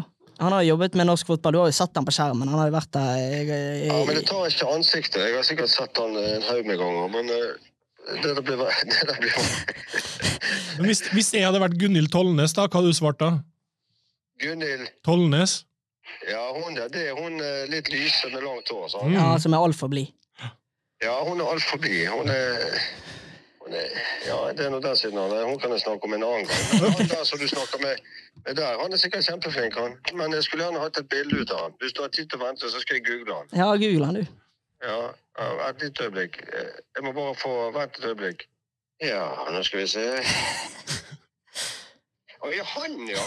ja, og ja, han, han kjenner jeg jo. ja. Men han er jævlig flink. Oi, Ja. så hyggelig! Ja, han er Nå ser jeg jo glatt hvem det er. Du er mye med. Du, du er jo du, Men du er ikke du, Vegard, ut litt ut på disse stadionene, du? Ja, re Reise rundt på, fra stadion til stadion, stemmer det? Ja, det der er- Nei, det, da kjenner jeg godt hvem du er, ja. ja, nei, du ja det, det var veldig bra, ja. Det var, var, var saklig, flink, kunnskapsrik. Dette er en bra mann. Dette må jo være en, en, en, en veldig fremtid i, innenfor media. Ja, jeg, jeg tenker det at dette er en mann som eh, på en måte må fronte de store sendingene. Eh, jeg tenker det at Vegard han må egne seg veldig godt i studio. Jeg er litt usikker på om han egner seg som kommentator, men det liker han sikkert ikke selv heller. Nei, det er korrekt. Ja, jeg vil tro det at du egner deg mye bedre som en sånn eh, frontmann i studio og ute blant eh, der de store intervjuene skal være. Du kan jo overta for han Jan Åge Fjørtoft. Du. Du liker ikke Jan Åge Fjørtoft?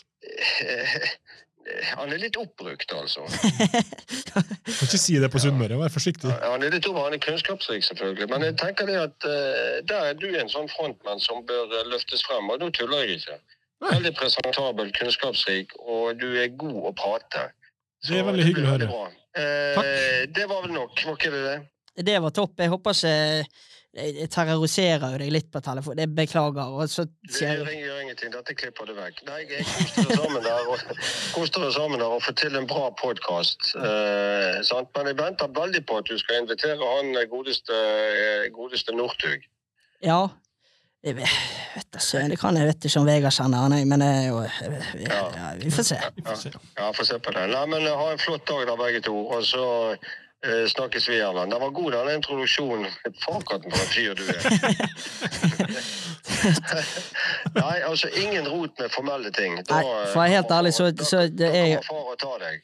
Helt ærlig så er det noen frister som vi, kanskje bør være påminnelser på i, i Nei, eh, vi, da, får du, da får du søke tilflukt hos han der Gauseten. Fordi Ja. eh, han har sikkert rot med det samme.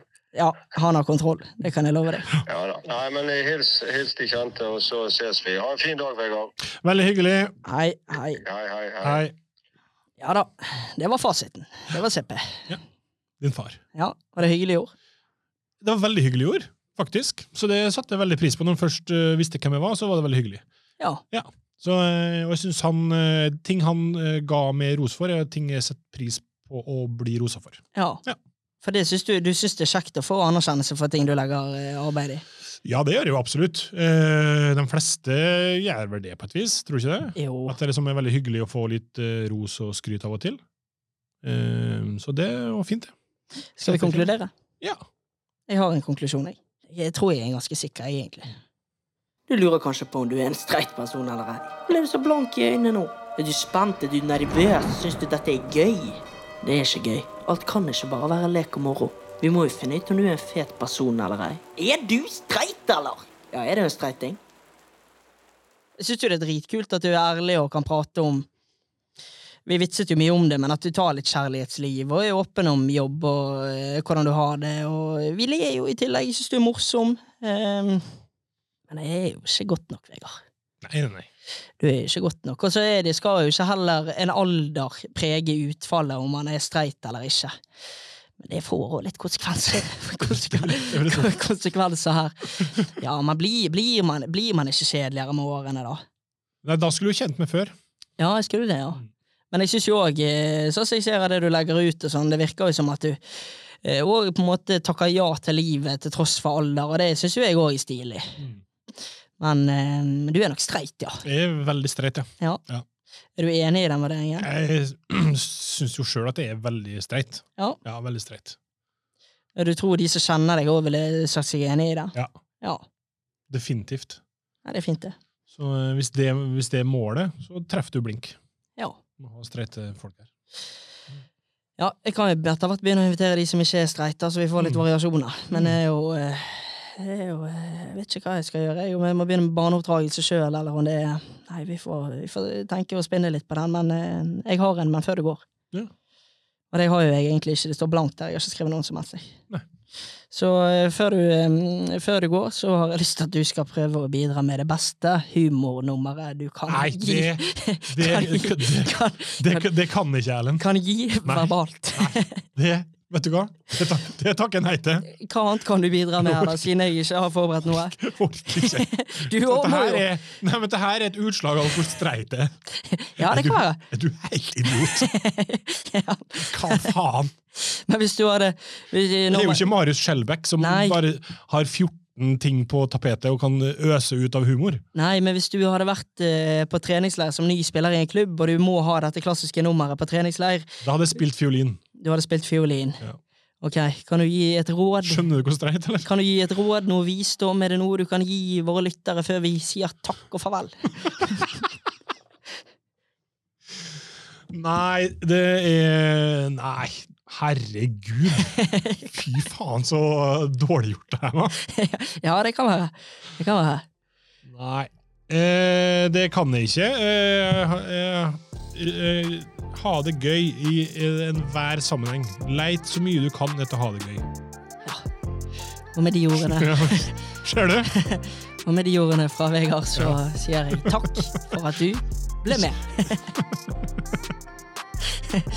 takk for at du var med. Lite streik.